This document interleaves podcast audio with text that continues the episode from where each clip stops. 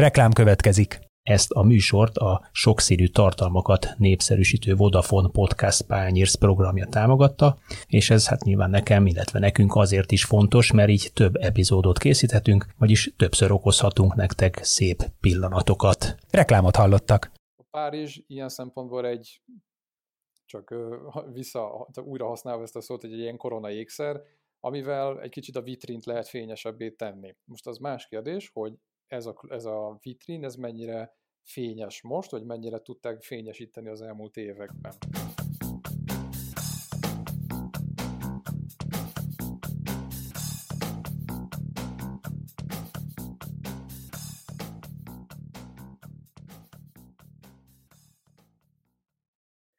Sziasztok, ez itt az Zicser, a 24.hu focis podcastja, én Kele János vagyok, és ezúttal is itt van velem az éteren keresztül Kálnoki és Attila, a 24.hu főmunkatársa. Szia Attila! Szevasz, Jani!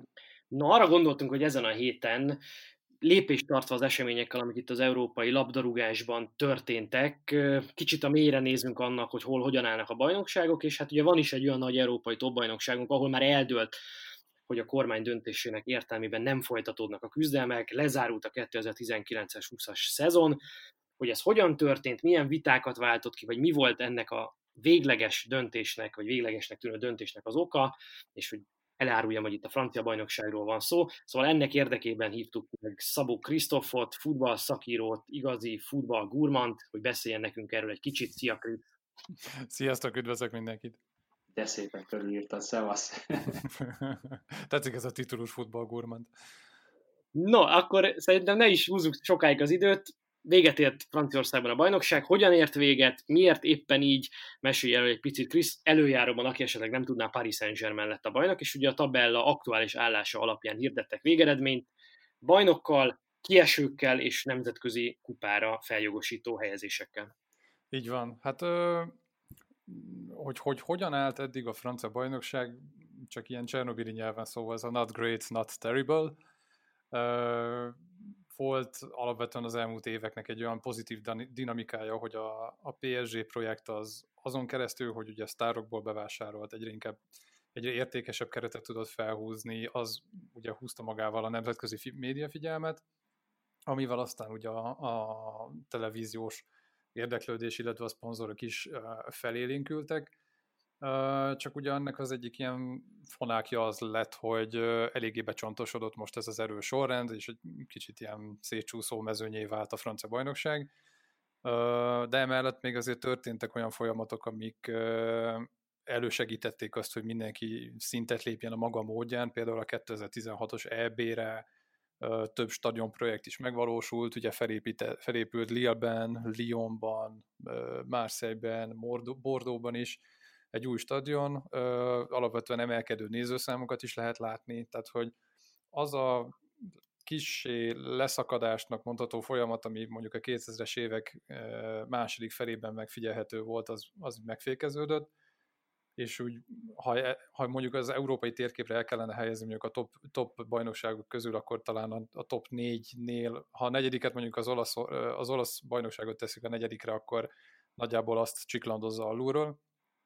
Uh, és hát persze vannak elég, elég színes egyedi esetek, mint mondjuk a Lyonnál, ahol Európa egyik legeredményesebb akadémiáját működtetik, új stadiont építettek, alapvetően egy pénzügyileg elég stabil klubról van szó, vagy Marseille-ben, ahol az amerikai tulajdonos pár éve meghirdette az OM Champions projektet, amiből hát egyelőre még csak a deficitet és a túlköltekezést tapasztaljuk, vagy ott van a Monaco, ami pedig nagyon sokáig sikeresen tudott a tradingre építeni, olcsón beszerzett tehetséges játékosokat adtak el, aztán később hatalmas haszonnal, és nagyjából ebben, a, ebben az egyvelekben volt az, hogy most ismét hasonló a felállás, mint amikor a Forrest Gump ugye már sokat szorra elmegy a Fehérházba, és azt mondja, hogy már megint, mert tehát találkoztam az elnökkel, már megint kezet fogtunk. Hát a francia bajnokság is van nagyjából most ez, hogy hát akkor most megint a PSG lett a bajnok. Nyilván általában az a kérdés mindig, hogy ki lesz a második és hát most ugye egy ilyen rendkívüli helyzet miatt úgy tűnik, hogy most a Marseille kapta meg a BR indulásnak a jogát, de hát ugye nagyon sokan most vitatják ezt az egész felállást, vagy egyáltalán az, hogy a, a befagyasztás után miért ezt a végleges állapotot hirdették meg Franciaországban. Számomra azért, azért érdekes a, a francia bajnokság és a francia bajnokság bezárása. Egyrészt, amit Krisztof, te mondtál, ugye, hogy tulajdonképpen ha nem top 4-et, hanem top 5-öt mondunk, akkor teljes jogú tagja, de tényleg, tényleg vetekszik ugye minden szempontból az olasz bajnoksággal. Mert a francia bajnokság egy furcsa kettőséget is mutat, ugye mind a mellett, hogy, hogy magas színvonalon egészen, lást PSG, egészen extrém büdzsével rendelkező klub is található a, a bajnokságban, mind a mellett a, a FIFA kimutatása szerint ugye a francia futball az, amelyik a brazil mellett a legtöbb játékost adja el, vagy exportálja külföldre. Tehát furcsa kettőség jellemzi, ugye egyrészt van egy, van egy export játékos adásvételből származó jövedelem, másrészt pedig ezt úgy tudják csinálni, hogy egyébként ugye a, a, a csapataik, vagy a élcsapataik azért versenyben vannak az európai kupaporondon is, vagy a, a verseny elejéhez tartoznak az európai kupaporondon is. Mennyit változtathat ezen, vagy változtathat ezen egyáltalán az a döntés, hogy ellenben ők úgy gondolták, hogy most akkor ők bezárják a bajnokságot, miközben Európa top bajnoksága éppen, hogy halogatják ezt a döntést, és megpróbálják befejezni. Pontosan pénzügyi okok. Hát ez ugye most egy 1 millió dolláros kérdés, hogy mennyire fogják őket, ez, mennyire fogja ez őket visszavetni, de visszacsatolva... Hát a lökip, lökip az nem 1 millió dollárt, hanem 240 millió eurót. Így van. Mond. Igen, hát ez ugye a rövid, ez, ez a rövid távú veszteséget uh, mutatja. Hát hogyha így visszautalva arra, amit mondtál, hogy gyakorlatilag a francia bajnokság tényleg egy olyan renomét épített ki az elmúlt évek során, hogy ez nagyjából Európa szupermarketje, ami köszönhető annak, hogy infrastruktúrálisan elég régóta berendezkedtek az akadémiai rendszerükre, mindenféle szempontból, akár az intézményi szinten, akár szürkeállományi szinten, náluk ezt az akadémiai reformot ugye a 60-as évek végén meglépték, és aztán nyilván ahogy teltek az évtizedek, és ahogyan felbukkantak, és aztán szépen el is tűntek ö, piacképes vagy gazdaságilag erős hátszéllel induló klubok, ö, úgy nagyjából beállt az, hogy meg ahogyan ugye a Premier League is kifejtette hatását, és ö, elképesztő bevételeket generált ott is, nagyjából kialakult ez, hogy Franciaországból elég jó szigorúan gazdasági nyelvezettel élve elég jó nyersanyagokat lehet elhozni olcsón, kész, vagy még félkész termékeket gyakorlatilag 18 és 21 év közötti fiatalokat, akiket aztán szépen be lehet építeni a magasabb szinten jegyzett klubokban. Tehát, hogy ez a, ez a folyamat, ez, ez abszolút jellemzi most, a, vagy legalábbis eddig jellemezte a futballpiacot, hogy ez most mennyire fogja visszavetni a francia klubokat, vagy a modelljüket mennyire kell átstruktúrálniuk, ez szerintem főleg azon áll vagy bukik, hogy mennyire tudnak belenyúlni akár a bevételi struktúrájukba. És akár, ha gondoljátok, belemehetünk akár így részleteiben, hogy, hogy ez hogy is néz ki. Abszolút menjünk bele, vagy legalábbis szerintem nagyon jó lenne, hogyha bele tudnánk ebbe menni. Annyit mondani, csak picit megvilágítva azt, hogy milyen módon szimbiotikus kapcsolatban élnek ezek a ligák egymással, vagy hogy a, a világfutball egész az, az egy mennyire jó munkamegosztáson alapuló rendszer sok tekintetből. Ugye említetted azt, hogy Franciaország kvázi a nagy ligák szupermarketje, Attila mondta, hogy milyen sok francia játékos játszik külföldön, hát ugye csak a Premier League csapatok az elmúlt öt évben egy milliárd eurónyi pénzt hagytak ott francia csapatoknál játékosokért cserébe. Na most ez ugye kvázi azt mutatja meg, hogy az Angliába beáramlott tévés pénz ilyen módon végig pörög a futballgazdaság egy részén, tehát az angol csapatok megkapják ezt a televíziós jogdíjakból, és aztán elköltik Franciaországban. Uh-huh. Ilyen módon erre üzleti modell tudott építeni nagyon sok francia csapat, és akkor sorolhatnánk itt a, a, a neveket Usman Demberétől mondjuk a Németországban ment, mondjuk Nikola Pepéig bezárólag egészen, hogy milyen tehetségek és mekkora összegekért kerültek francia kluboktól Angliába, vagy nagy európai csapatokhoz. Ugye most Szlovákiában történt az, hogy Zsolna egy hát jó pár polccal alacsonyabban lévő nevelőklubnak a tulajdonosa azt mondta, hogy a maga részéről felfüggeszteni ezt az egészet, hiszen azt látja, hogy ahová ő játékosokat adott el, ez a topligáknak az alsó osztály vagy alsó részeibe tartozó csapatok, vagy mondjuk olyan közepesen nagy ligák, mint a Holland, ahova például Robert Bozsenyiket adták el éppen a téren, szóval, hogy ott nem lesz kereslet már ezekre a játékosokra, mm. ott nem lesz annyi bevétel, hogy megvegyék tőle a fiatal szlovák játékosokat, úgyhogy ő inkább bezárja ezt a boltot. Tartanak szerinted attól a francia klubok, hogy mondjuk kevesebb tévés pénz lesz Angliában, vagy hogy mondjuk ezt a jelenleg futó tévés dílt sem tudják kiaknázni, ugye, hogy ott nem tudják folytatni a bajnokságot Angliában, akkor 762 millió fontnyi tévés pénzt kellene visszafizetni a szolgáltatóknak, amire hát egyik klub sem hiszem, hogy nagyon képes lenne, mint a saját részére sem. Aha. Vagy, vagy egyáltalán, bocsánat, Krisztof, egy közbevetett kérdés, hogy a francia bajnokság mitől függ jobban? A játékos adásvétel prosperálásától és hasonló szintű bevételeitől, vagy pedig ugye a saját televíziós jogdíjairól, ami hát ugye azért messze nem nincs azon a lapon, mint mondjuk az angol, az olasz vagy a spanyol bajnokság.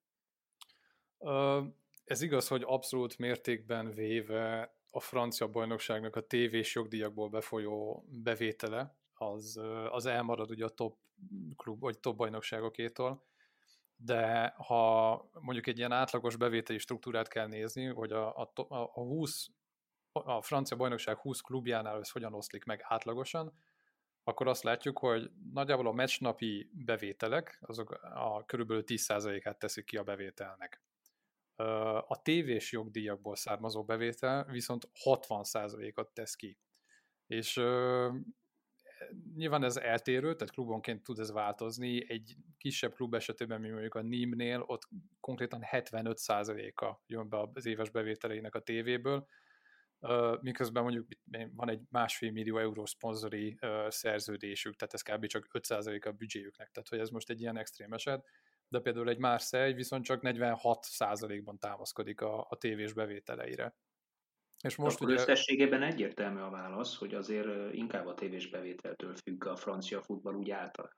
Abszolút, abszolút. A szponzori pénzek az is egy ilyen körülbelül 15% környékén mozog, és a transfer bevételek, vagy legalábbis a transfer mérlekből a bevételként elkönyvelhető része, az pedig szintén egy ilyen 10-15% körül mozog. Tehát az, hogy ezek még mindig a tévés aránynak a 60%-ához képest még azért elmaradnak és ugye Franciaországban most ugye említetted ezt a 240 millió eurós hiányt, ez, ez nagyjából az a tévés pénz, ami hátra van még a két média szolgáltatótól. Ugye most jelenleg egy ilyen fur, furcsa küszöbön áll a francia bajnokság, mert most cserél gazdát a, a televíziós jogdíj, eddig nekik a Canal Plus és a Bein Sport volt az, aki tulajdonolta ezeket, és megállapodtak abban, hogy a hátralévő mérkőzésekből, illetve az, ami még elmaradt kifizetésekből, csak egy bizonyos részét fizetik ki, tehát egy ilyen kb. 48 millió ö, eurót, ebben állapodtak meg. Azóta, mióta ezt a papír, vagy mióta ezt aláírták, és azóta lefújták a bajnokságot, a Canal Plus már mosta is kezeit, és fel is bontotta a szerződését, ugyanis a következő szezontól viszont már a Media Pro lesz a, a jogtulajdonos, vagy legalábbis ő vásárolta meg a jogokat, és most gyakorlatilag egy ilyen ugrás történt az elmúlt 5 éves ciklushoz képest, 2020-2024-re, tehát a következő időszakra, egy ilyen 726 millió eurós jogdíjból, ha jól emlékszem, 1,15 milliárd eurós ö, díjat fognak befizetni. Tehát, hogy történt azért egy ilyen hatalmas nagy ugrás, ami elvileg a francia kluboknak egy ilyen nagy reményt adott, legalábbis mondjuk ilyen egy hónappal vagy két hónappal ezelőttig, amikor az volt a mondás, hogy nagyon jó, gazdaságilag meg tudnak erősödni, végre meg tudják emelni a bérköltségeiket, magukhoz tudják tartani ezeket a tehetségeiket, vagy akár még befutott, vagy komplettebb játékosokat is magukhoz tudnak vonzani, de most jelenleg úgy néz ki, hogy az a bevételi többlet, amit hogyha tudnak realizálni, hogyha a média pro is megelnék és elkezdői ő is befizetni a maga díját, az nagyjából arra lesz elég, hogy ezeket a lyukakat betömje. Mondjuk ez nem ártana játszani. igen, ezért mondtam igen, azt, mondjuk... hogy ha, ha majd a Media Pro is megjelenik, igen. igen. No hát beszéljünk egy picit a tabellára, vagy kik voltak a nagy vesztesei ennek a, vagy esetleg nyertesei ennek az idő előtti lefújásnak, ami a bajnokság végkifejletét illeti. Ugye talán vesztesek között egyértelműen adódik a Lyon, amelyik így kimarad a nemzetközi kupa küzdelmekből, ugye talán hetedik helyen állt a Lyon, ha jól emlékszem, abban a pillanatban, amikor véget ért a bajnokság, és nem véletlenül Jean-Michel Olasz klubelnök már fontolgatja a jogi lépéseket a döntés ellen. Hogy látod, van ennek esélye? Igen, csak hogy egy, egy, ilyen, egy lépést így hátralépve, hogy ez hogyan született meg egyáltalán az a döntés, hogy most lefújják a francia bajnokságot így a, a jelenlegi helyzet alapján. Uh, szerintem az nagyon érdekes volt, hogy a francia médiában azért ment a pingpong, a, a klubelnökök, a, a döntéshozók, illetve a játékosok között. Uh, kérdés az, hogy mi az, ami nyom, mi nyomhatott a latba. Azért Franciaországban maga a járványjal kapcsolatos intézkedések nem voltak túl fényesek, most már 25 ezer halottnál tartanak. Ugye a Montpellier egyik játékosa, Junior Sambia, ő mesterséges kómában kellett tartani, olyannyira megbetegedett, tehát lélegeztetőgépen volt. Ráadásul a Montpelliernek az egyik community menedzsere elhunyt koronavírus betegségben. A de is volt egy csapatorvos, aki, aki pedig miután megtudta, hogy a tesztje pozitív lett, öngyilkosságot követett el. Tehát, hogy az elmúlt hetekben a sajtóban azért eléggé nyomta a, nyom, tehát az, még a sporthírekbe is begyűrűzött az, hogy kik, kik azok a sportvilágban szereplők, akik érintettek ebben az ügyben, és akkor ott van a Lékipnek például a Vincent Dülük, az ő, ő a főszerkesztője, ő is 28 napig feküdt kórházban, ő is azért nagyon, nagyon súlyos álválságos állapotban volt. És azért a, a játékosok, ahogyan érkeztek ezek a hírek, a, já, a saját képviseleti testületükön keresztül, a szakszervezeten keresztül azért kifejezték aggodalmukat, hogy, hogy ez hogyan, hogy, hogyan lehet egyáltalán ezt folytatni.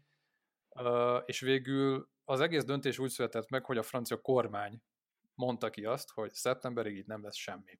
És innentől kezdve a francia liga, akiről azt gondolták amúgy, hogy inkább ők fognak dönteni, és azokon keresztül, tehát hogy rajtuk is inkább a, a klubelnököknek a lobby tevékenysége fog igazán hatást gyakorolni, ehhez képest a francia liga a kormányzati döntést vette figyelembe, és azt mondta, hogy rendben, akkor innentől befagyasztjuk.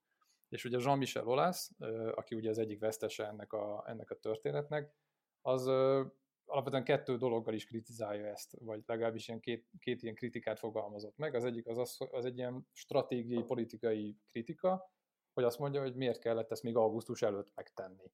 Miért nem, miért nem várták meg a többi országot, miért nem konzultáltak a többi ligával, és ők, a, a Lyon az UEFA-nak egy ilyen ötletét felkapva egy ilyen playoff rendszert akart bevezetni, kidolgoztak egy 23 oldalas dokumentumot, amit a liga gyakorlatilag így lesöpört az asztalról. Úgyhogy um, nyilván ez az egyik ilyen kritika, a másik pedig az, hogy, hogy demokratikusan ez egy kicsit aggályos volt, hogy nem történt előzetes konzultáció a klubelnökökkel, nem történt egy ilyen előzetes felmérés, hanem ezt a döntést egy ilyen általános közgyűlésen hozták meg, tehát nem az volt, hogy egy, vagy, tehát hogy nem egy általános közgyűlés hozta meg, hanem valami administratív tanács, egy ilyen hibrid, mindenféle képviselőkből a szövetségi képviselő, szakszervezet, nyolc klubnak az elnöke, tehát egy kicsit ilyen bürokratikus ö, testület volt az, ami meg, megnyomta ezt a nagy piros gombot, és hát Jean-Michel lesz is azt mondja, de hát nem csak ő, hanem más is, hogy ö, hogy azért ezt lehetett volna egy kicsit széles körülben ö, kezelni. Ö, a másik ilyen vesztese amúgy ennek, az, e, ennek a történetnek az ugye a Lille-nek a, az elnöke, Gerard López, aki, aki hát most Európa Liga szereplő lesz, de ugye ott voltak nagyon közel a bajnokok ligájához, és ő egy ilyen koeficiens szimulációt, még illetve az eddigi statisztikai eredményekből kif, kimutatható, vagy abból levezethető modellt akart ráhúzni az esetleges végeredményre, ezt is lesöpörték az, aszt- asztalról, és innentől kezdve ő egyébként egész könnyen elfogadta ezt, és azt mondta, hogy nem ért egyet ezzel, de azt mondja, hogy lapozzunk, menjünk tovább, nekik legalább Európa megadatik. Kérdés az, hogy akkor hogyan. Inkább, inkább most minden, minden elnök ezután a döntés után inkább a pénzügyi, meg a gazdasági kérdőjelek felé fordul. Egyre, egyre több hangot hallani afelől, hogy az európai futball ezután a válság után olyan irányba fog változni, amelyik, amelyik egy kicsit más lesz. Nem valószínű a top bajnokságok, de a top bajnokságok alatti szint még az is elképzelhető, hogy a regionális irányba fordul. Ugye erre tett egyébként Csány úr is egy, egy említést a, a közgyűlésen, hogy vannak ilyen kezdeményezések, és hát hova tovább Péter Hackmer a, a, az ORF szakértője, korábbi osztrák Bundesliga játékos, és egy Alpok bajnokságot emleget, ahol mondjuk négy-öt osztrák csapat, svájci, szlovén, cseh és szlovák csapatok alkotnák hasonlóképpen, mint a jégkoromban egyébként a, a bajnokságot, miközben a kisebb költségvetési klubok, amelyek egyébként megszenvedik jobban ugye ezeket a, a, a gazdasági helyzetet, a, a vírus alatt kialakult gazdasági válságot, azok pedig megmaradnak egy ilyen félamatőr osztrák első osztályú bajnokságban. Franciaország az, az pont emiatt a kettőség miatt, amit az elején említettem, elképzelhető az, hogy ott is lesznek ilyen, ilyen átalakulás gondolatok, vagy pedig ott azért mondjuk az a annyira stabil a helyzet, köszönhetően hogy egy milliárd fölötti televíziós jogdíjnak is, hogy ott azért nem valószínű, hogy egy ilyen ben gondolkodnak, hogy mondjuk egy holland-francia, nem tudom, milyen belga, ilyen-olyan profi bajnokság jönne létre, vagy regionális bajnokság. Uh-huh.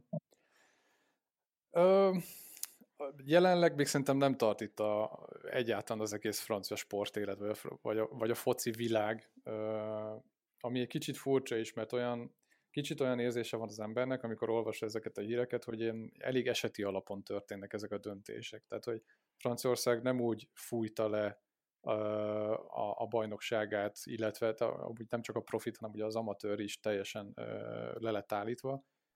Nem az volt, hogy oké, okay, kidolgoztunk egy tervet, van erre egy opciónk, a gazdasági károkat így fogjuk enyhíteni, van erre az egészre egy, egy menet, menetirány, van egy menetrend, hanem az volt, hogy oké, okay, a kormányzati döntés értelmében mi most beszüntetjük, oké, okay, valahogyan befagyasztjuk, oké, okay, akkor ha van egy kérdés, ha most a gazdasági részét hogyan oldjuk meg, akkor most erre ki kell dolgozni egy tervet. És a, ahol most tart a dolog, az az, hogy, hogy, hogy a liga a sportminisztériumhoz fordult, hogy ö, gyakorlatilag egy ilyen kisegítő csomagért, ö, kisegítő csomagot kérjen, egy 225 millió eurós ö, hitelről van szó gyakorlatilag, Mindezt úgy, hogy Franciaországban egyébként nincsen a labdarúgás.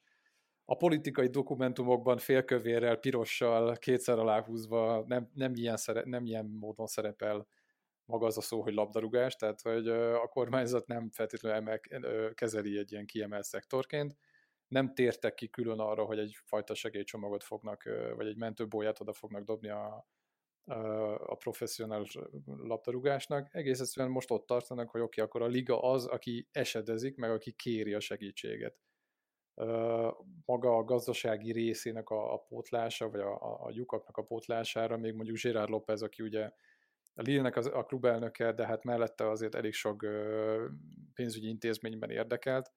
Ő például egy komplet Marshall tervnek a, a szükségéről beszélt, arról beszélt, hogy hogy konkrétan befektetési alapoknak kellene átvállalniuk a francia kluboknak az adósságát, és aztán majd valahogyan valamilyen közép-hosszú távú módon ezeket vissza, ö, vissza lehet fizetni. Tehát, hogy egyelőre még itt tart a dolog, és az, hogy strukturális szinten hogyan lehet, érdemes-e egyáltalán regionális, vagy akár még szűkebb lokális vonalakat húzni, szerintem itt még nem tartanak. Ez elsősorban most a, most a károknak az enyhítésére fordul rá a francia labdarúgás, így, hogy már ezt a döntést meghozta, hogy akkor, hogy akkor befagyasztják a dolgot. Hát igen, ezek a felvetések amit én említettem, nem már holnapra, hanem ugye azt mondják, hogy a futball az egyébként egy piacgazdasági szereplő, és ugye annyira le fog csökkenni a nyereséges klubok száma, hogy ugye a nyereséges klubok fognak tudni alakítani ilyen regionális bajnokságot 5-10-15-20 év múlva, nem tudom mikor jön el az ideje, mm. és azok, akik ugye nem képesek nyereségesek maradni, azok lépnek vissza maximum ilyen nemzeti vonalra.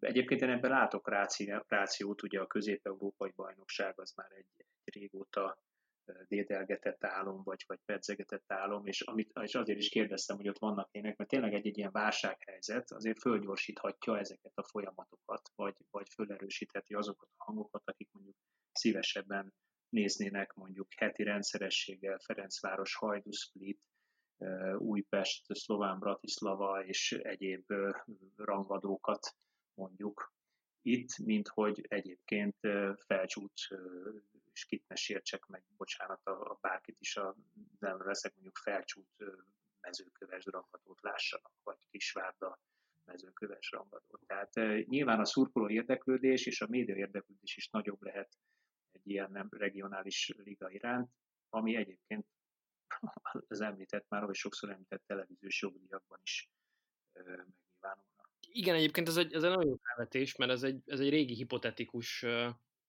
célkitűzés, hogy, hogy megnézzük, hogy valóban nagyobb az érdeklődés a Szlován Bratislava Ferencváros iránt, és azt gondolom, hogy Szlován Bratislava Ferencváros iránt lehetséges, hogy nagyobb lesz az érdeklődés, mint egy Ferencváros felcsút mérkőzés iránt, meg hogyha ez új, és hogyha valamiféle jól eladható csomagolásba is van foglalva, akkor aztán pláne nagyobb lehet az érdeklődés. Ennél itt a fő kérdés persze még mindig az szerintem, aztán lehet, hogy nincs igazam, hogy tud-e ez a termék versenyezni a vele egy idősávban sugárzott Barcelona eszpanyol mérkőzéssel, meg Arsenal Tottenham mérkőzéssel, mert ugye mivel televízió van, internet van, ezért ezek lényegében helyettesítő termékei vagy szolgáltatásai egymásnak.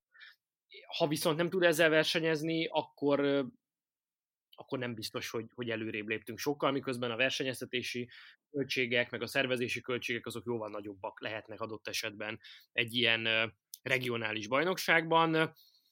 Nyilván itt akkor ezt még lehet árnyalni az, hogy milyen szponzorok szállnak be, akár az állam oldaláról, vagy az államhoz szorosan kötődő vállalkozások oldaláról. Hogyha ez több országból érkezik, akkor nyilván van fenntartatóbb lesz ez. Ez a liga, csak hát közben az UEFA meg azért szereti azt mondani magáról, akinek az égisze alatt kellene valahogy ezt az egészet megrendezni, ő meg azért szereti azt mondani magáról, hogy a nemzeti bajnokságoknak egyfajta érdek képviselője, meg szószólója is, tehát hogy úgy szeretné valahogyan fejleszteni a futballt, meg a klubfutballt is Európában, hogy azért az ne járjon együtt a nemzeti bajnokságok elsorvadásával, és szerintem ezt, ezt nagyon nehéz lenne éppen ezekben a periférikus bajnokságokban megakadályozni. Ha kialakulnának ezek a regionális versenyek, akkor szerintem az nagyon könnyen a, az elsorvadását hozná a nemzeti bajnokságoknak. Igen, esélyesen, esélyesen ez lenne itt a, a forgatókönyv. Kérdés az, hogy amikor a francia bajnoksága mi azért, ha nem is a legkiemeltebb, de azért ott van, ha rangsorjuk, akkor az ötödik helyen, um, mit, mit tud a saját fenntartásaért tenni. Azért az érződik, hogy nemrég ugye bevezették a kieséses rendszerében az, hogy a 20 csapatos bajnokságból automatikusan csak kettő csapat esik ki, korábban ugye hárommal történt ez. Ehhez képest ugye most ez a 2 plusz 1 van, az a 17. helyezett csapat az kiesési rangadót játszik, tehát hogy azért érződik egyfajta ilyen protekcionizmus az elit irányába. Kérdés az, hogy azok a szponzorok, amiket említettél, azok, azok tényleg hogyan fognak tudni ebbe az egészbe bejönni. Úgyhogy igazából most azt tapasztalható, hogy Franciaországban azért ezek most pont, hogy kezdenek, kezdenek erodálódni. Már ami, tehát a, a, a kluboknak így a, a finanszírozását illeti. Tehát Bordóban például a, a fő szponzor már fel is mondta a partner megállapodást, az Amiannál az Intersport, az is tíz év után nem hosszabbítja meg a, a szerződését, és ugye a helyiek is eléggé bajban vannak, tehát például egy Nantnál, ahol a nagyjából a bevételék, vagy a szponzori bevételéknek a 80%-a az KKV-kből eredeztethető, nekik 500 szponzoruk van. A Paris Saint-Germainnek ehhez képest csak 30, de azok igazán nagy partnerek.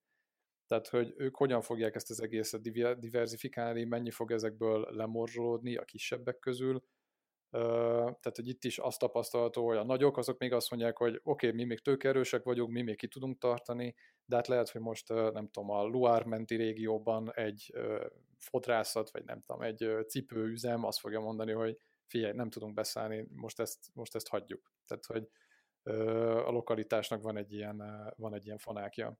Nagyon jó, hogy említetted a Paris Saint-Germain-t, mert szerintem nem kihagyható ebből a beszélgetésből, hogy mi lesz a Párizsi projekttel, és talán induljunk onnan, hogy szerinted a megváltozó futballgazdaságban, vagy ebben a, bizo- a korábbiaknál bizonytalanabbá váló futballgazdaságban továbbra is olyan jó üzlet lesz a befolyás, meg reputáció szempontjából egy közelkeleti államnak futballklubot tulajdonolni, mint amilyen kifizetődő üzlet lehetett eddig, különösen Franciaországban. Nyilván ennek szekérderéknyi irodalma van, hogy a Katariak pontosan hogyan használták ki azt, hogy Párizs legmenőbb futballklubjának a tulajdonosai lettek. Illetőleg mi lehet ezzel a futball projekttel, ami most Párizsban Thomas Tuchel vezetésével, Löw Zsolt segítségével alakult, és amely kimondva kimondatlanul, de inkább kimondva, hogy a BL címet célozta meg Neymarral, Mbappéval és más nagyon komoly játékosokkal. Most úgy tűnik, hogy pont amikor egy lélektani határt átléptek volna a BL-ben, ki tudja, hogy hogyan lesz vége ennek a bajnokok ligájának, ha be is fejeződik, lesz is győztes, az mindig is egy megcsillagozott győztes marad majd a, a trófea meg a kupasorozat történetében és hát ott, ott van akkor a korona ékszer, vagy a korona gyémánt, Neymar, akit nagyon marasztalnának mesés ajánlatokkal, itt a, a citált problémák fényében szinte valószínűtlenül mesés ajánlatokkal, és a sajtóhírek, vagy a bulvárhírek meg arról szólnak, hogy ő, ő nem nagyon kapacitálható ezzel együtt sem a maradásra.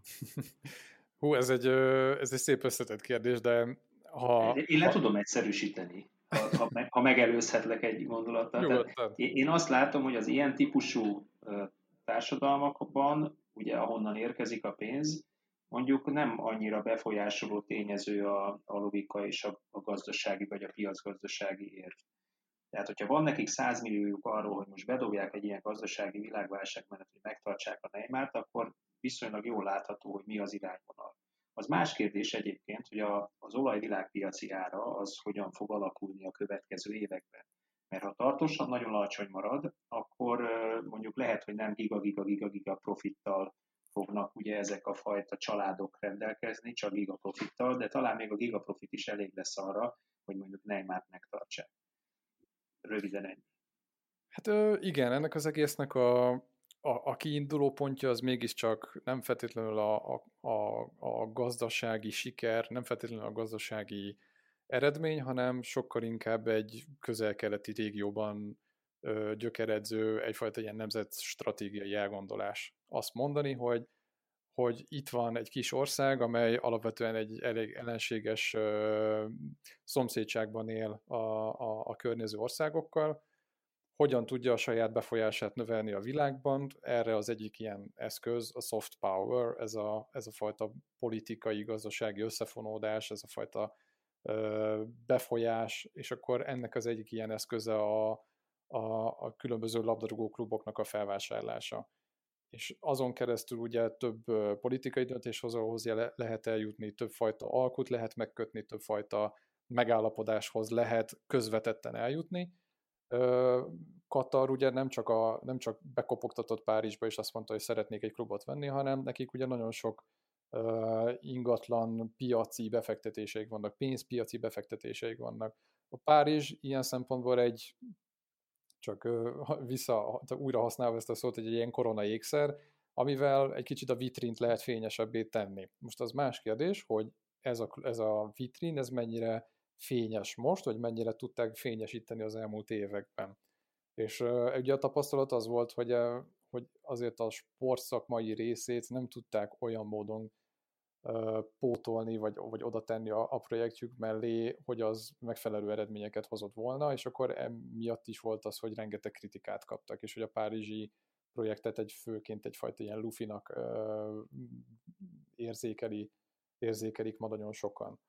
És ö, ugye a katariak minél inkább sikertelenebb volt, vagy minél inkább jöttek ezek a döccenők, annál inkább megnyomták a gázpedált, és Neymar is egyfajta egy ilyen, egy ilyen power move volt, egyfajta ilyen, ilyen hatalomgyakorlási lépés, amikor azt mondták, hogy rendben, kiestünk pont a Barcelona ellen, pont a híres 1-6-os remontádán, hogyan tudjuk egyáltalán ezt a csorbát kiküszöbölni, és akkor még inkább megnyomták a, megnyomták a gombot, és ugye így innentől jött ez az egész Neymar akvizíció, de hát ugye ettől még intézményt, meg klubot nem építettek, elsősorban csak márkát. És innentől jön az, hogy, hogy az elmúlt években hogyan tudtak egyáltalán, minden, mi lépéseket tudtak megtenni azért, hogy ez a klub valahogyan felépüljön, és ennek az egyik ilyen kulcs pillanata volt szerintem a tavalyi év, amikor mondjuk tavaly előtt, amikor Thomas Tuchelt elhozták, az is szerintem egy fontos lépés volt Unai Emery után, de a tavalyi volt az igazán markás, hogy végre egy egy kompetens, egy a klubot ismerő sportigazgatót hoztak el, ugye Leonardo személyében, aki hát gyakorlatilag ő már ugye még a, klub, még a projektnek az elején ugye ott volt, aztán kirúgták, mert felök lehet egy bírót valami, valamelyik francia kupa mérkőzésen, és akkor onnantól neki mennie kellett, de, de ugye visszatért, és hát eléggé úgy cserélgette a, a botot meg a répát. Egyszerre udvarolt, egyszerre fegyelmezett. A, a klubelnöke, a Nasser El Kelaifinak, aki főleg ugye diplomáciában jártas úriemberről beszélünk, és nem feltétlenül egy, egy sportintézményi döntésekben kompetens embernek, neki is volt egy kemény odamondása tavaly, hogy aki itt csak a pénzért van, aki itt pihenni szeretne, aki itt ezt a Párizsi klubot egy wellness szállodának veszi, annak ott, annak ott van az ajtó. És kicsit keményítettek ezen, mellette ugye befektettek nem csak sztárokba, hanem egy, egy eléggé foghíjas, meg egy eléggé lyukas keretet elkezdtek kipótolni, és vásároltak olyan kulcspozíciókra játékosokat, akivel, akikkel tudták stabilizálni a keretet, ugye Idrissa Gay, vagy Mauro Icardi, Ander Herrera, védelemben megvették ugye Abdul Diallo-t, de ott van még Pablo Sarabia, tehát hogy ezzel a kicsi, ki, ezzel a stabilizált kerettel már ott van az, hogy ha nem is változtatják merőbben a, a játékot, de azért elejét veszik annak, hogy mondjuk tavaszra ne pukkadjon ki teljesen ez a, ez a csapat. És most ugye ott tartanak, hogy, hogy a Dortmundon át tudtak jutni a BL 8 döntőben, ott állnak a negyed döntőben, kérdés az, hogy, hogy mi lesz belőle. És hogy átvezessem erre a Neymaros kérdésre, én azt gondolom amúgy, hogy, hogy Katarnak, mivel ugye ez egy alapvetően nemzeti érdekből fakadó, vagy politikai érdekből fakadó projekt, ezért nekik 2022-ig, a Katari világbajnokságig szerintem nekik érdekük az, hogy igenis tolják a Párizsnak a szekerét, és ott álljanak az egész mögött. Rengeteg olyan kudarc érte már őket, ami után azt lehetett feltételezni, hogy ebből még akár ki is vonulhatnak, de valószínűleg a szűk keresztmetszet ebben, a, ebben az egész naptárban az a, az a Katari VB. Neymar szerződése 2022-ig szól, állítólag már visszautasított egy ajánlatot, a párizsi kommunikáció pedig ebben az évben inkább arról szólt, hogy, hogy oké, okay, lezárjuk a kaput, de hogyha olyan ajánlat jön, akkor elengedjük. De hát ugye mégis egy 222 millió euróért vásárolt játékosról van szó, tehát gyakorlatilag a piacon eddig sem nagyon volt fizetőképes kereslet, aki meg tudta volna vásárolni, és most meg valószínűleg még kevésbé lesz, és a Párizs meg nem biztos, hogy áron arul bele fog menni ebbe, annak ellenére, hogy hát mondjuk a barcelonai szirénák azok elég hangosan énekelnek. Nagyon érdekes volt, amit mondtál, meg amit Attila is, ugye, és ez valamilyen pontjain a fejemben összekapcsolódott, amit amit Krisz, te mondtál, hogy minél nagyobb kudarcok érték ezt a projektet, annál inkább nyomták a gázpedált, tehát meghosszabbították Bicskéig meg Lovasberényig. Nem tudom, éppen. A másik, amit korábban Attila mondott, hogy hát igen, olyan országokból érkezik a pénz ezekhez a klubokhoz, ahol a döntéseket nem feltétlenül a piaci logika és, a, és a, az üzleti elgondolás, meg az üzleti motivációk határozzák meg. A hanem, futball, hogy... futballüzlet és a futballpiaci, tehát van, van más motiváció, piaci, meg egyéb politikai. De, hogy mondta, nemzet stratégiai, és hát erről megint jutott valami, de most erről tényleg legyen olyan adás, amikor erről nem beszélünk, úgyhogy abba is hagyom. Na jó, mi van még, srácok, amit nem beséztünk ki?